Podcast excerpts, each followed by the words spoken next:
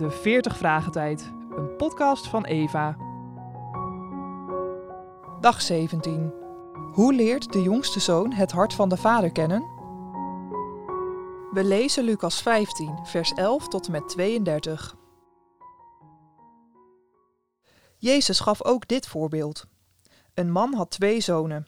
De jongste zoon zei tegen zijn vader: Vader, ik wil mijn deel van de erfenis nu hebben. De vader gaf hem wat hij vroeg. Een paar dagen later pakte de zoon al zijn spullen bij elkaar en ging weg. Hij ging naar een ver land. Daar gaf hij zijn geld uit aan een leven vol plezier. Toen alles op was, kwam er een grote hongersnood in dat verre land. De zoon had niets meer te eten. Daarom ging hij werken bij een van de mensen in dat land. Die stuurde hem naar het veld om op de varkens te passen. De zoon had zo'n honger dat hij zelfs het varkensvoer op wilde eten. Maar niemand gaf hem iets. Toen dacht hij: Thuis hebben zelfs de armste knechten altijd genoeg te eten, en ik ga hier dood van de honger. Ik zal naar mijn vader teruggaan en tegen hem zeggen: Vader, ik heb me slecht gedragen tegenover God en tegenover u. Ik verdien het niet meer om uw zoon te zijn. Behandel mij voortaan net zoals uw armste knechten. Toen ging de zoon terug naar zijn vader. De vader zag zijn zoon al vanuit de verte aankomen en meteen kreeg hij medelijden.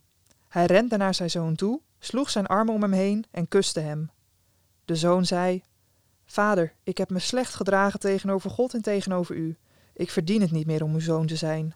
Maar de vader zei tegen zijn knechten: Haal snel mijn mooiste jas voor mijn zoon en trek hem die aan.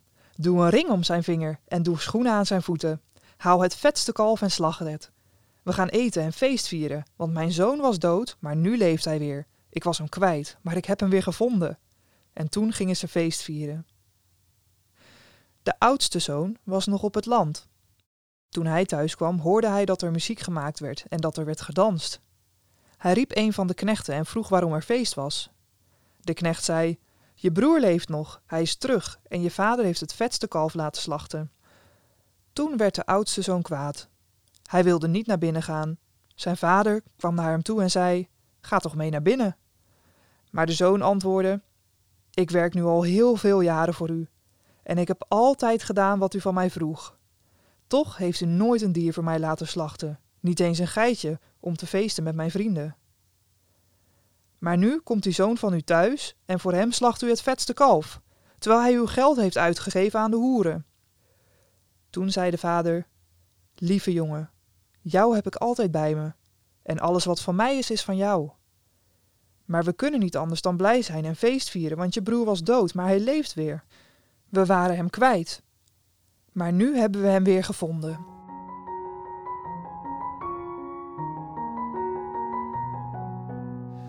Hoe leert de jongste zoon het hart van de vader kennen?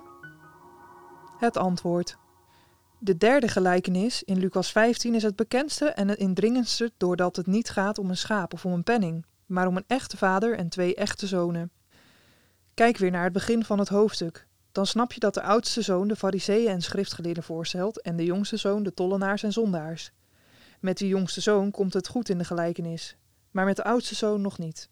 Uiteraard wordt niet de zondigheid van de zondaars geprezen, maar het feit dat zij zich bekeren en terugkeren tot de Vader, om dan te ontdekken dat hij al lang met wijd geopende armen op de uitkijk staat.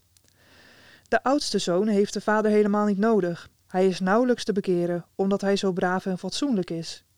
Maar hij blijkt het hart van de vader helemaal niet te kennen.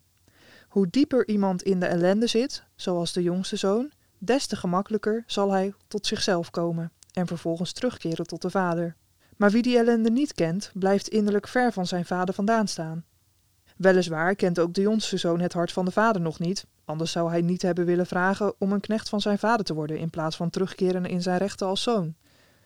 Niet zijn zondebesef of zijn verootmoediging leert hem het hart van de vader kennen, maar pas als de armen van de vader om hem heen zijn leert hij dat. Dan beleidt hij wel zijn zonde, maar hij vraagt niet om een knecht te mogen worden. Integendeel, de vader bekleedt hem met alles wat juist het verschil tussen een zoon en een knecht maakt. Het beste kleed, een ring aan zijn vinger, sandalen aan zijn voeten. De oudste zoon lijkt op de fariseeën en de schriftgeleerden. Al kwamen de tollenaars en zondaars tot zichzelf en bekeerden zij zich, het maakte niet uit. De fariseeën bleven hen verachten. Zulke fatsoenlijke mensen waren immers geen zondaars, en dat waren ze ook nooit geweest. Daarom keken ze neer op hen die het wel waren. Maar juist daardoor vielen zij zelf uiteindelijk buiten de genade. Er is geen vergeving voor mensen die menen geen vergeving nodig te hebben. Het gemeste kalf werd geslacht om het feest dat van de terugkomst van de verloren zoon mogelijk te maken. Natuurlijk was dat kalf geen echt offerdier. Toch worden we onwillekeurig herinnerd aan hem die door zijn dood de deur van Gods genade heeft opengezet voor elke zondaar die zich bekeert. Waardoor het feest wordt, in de hemel en op aarde.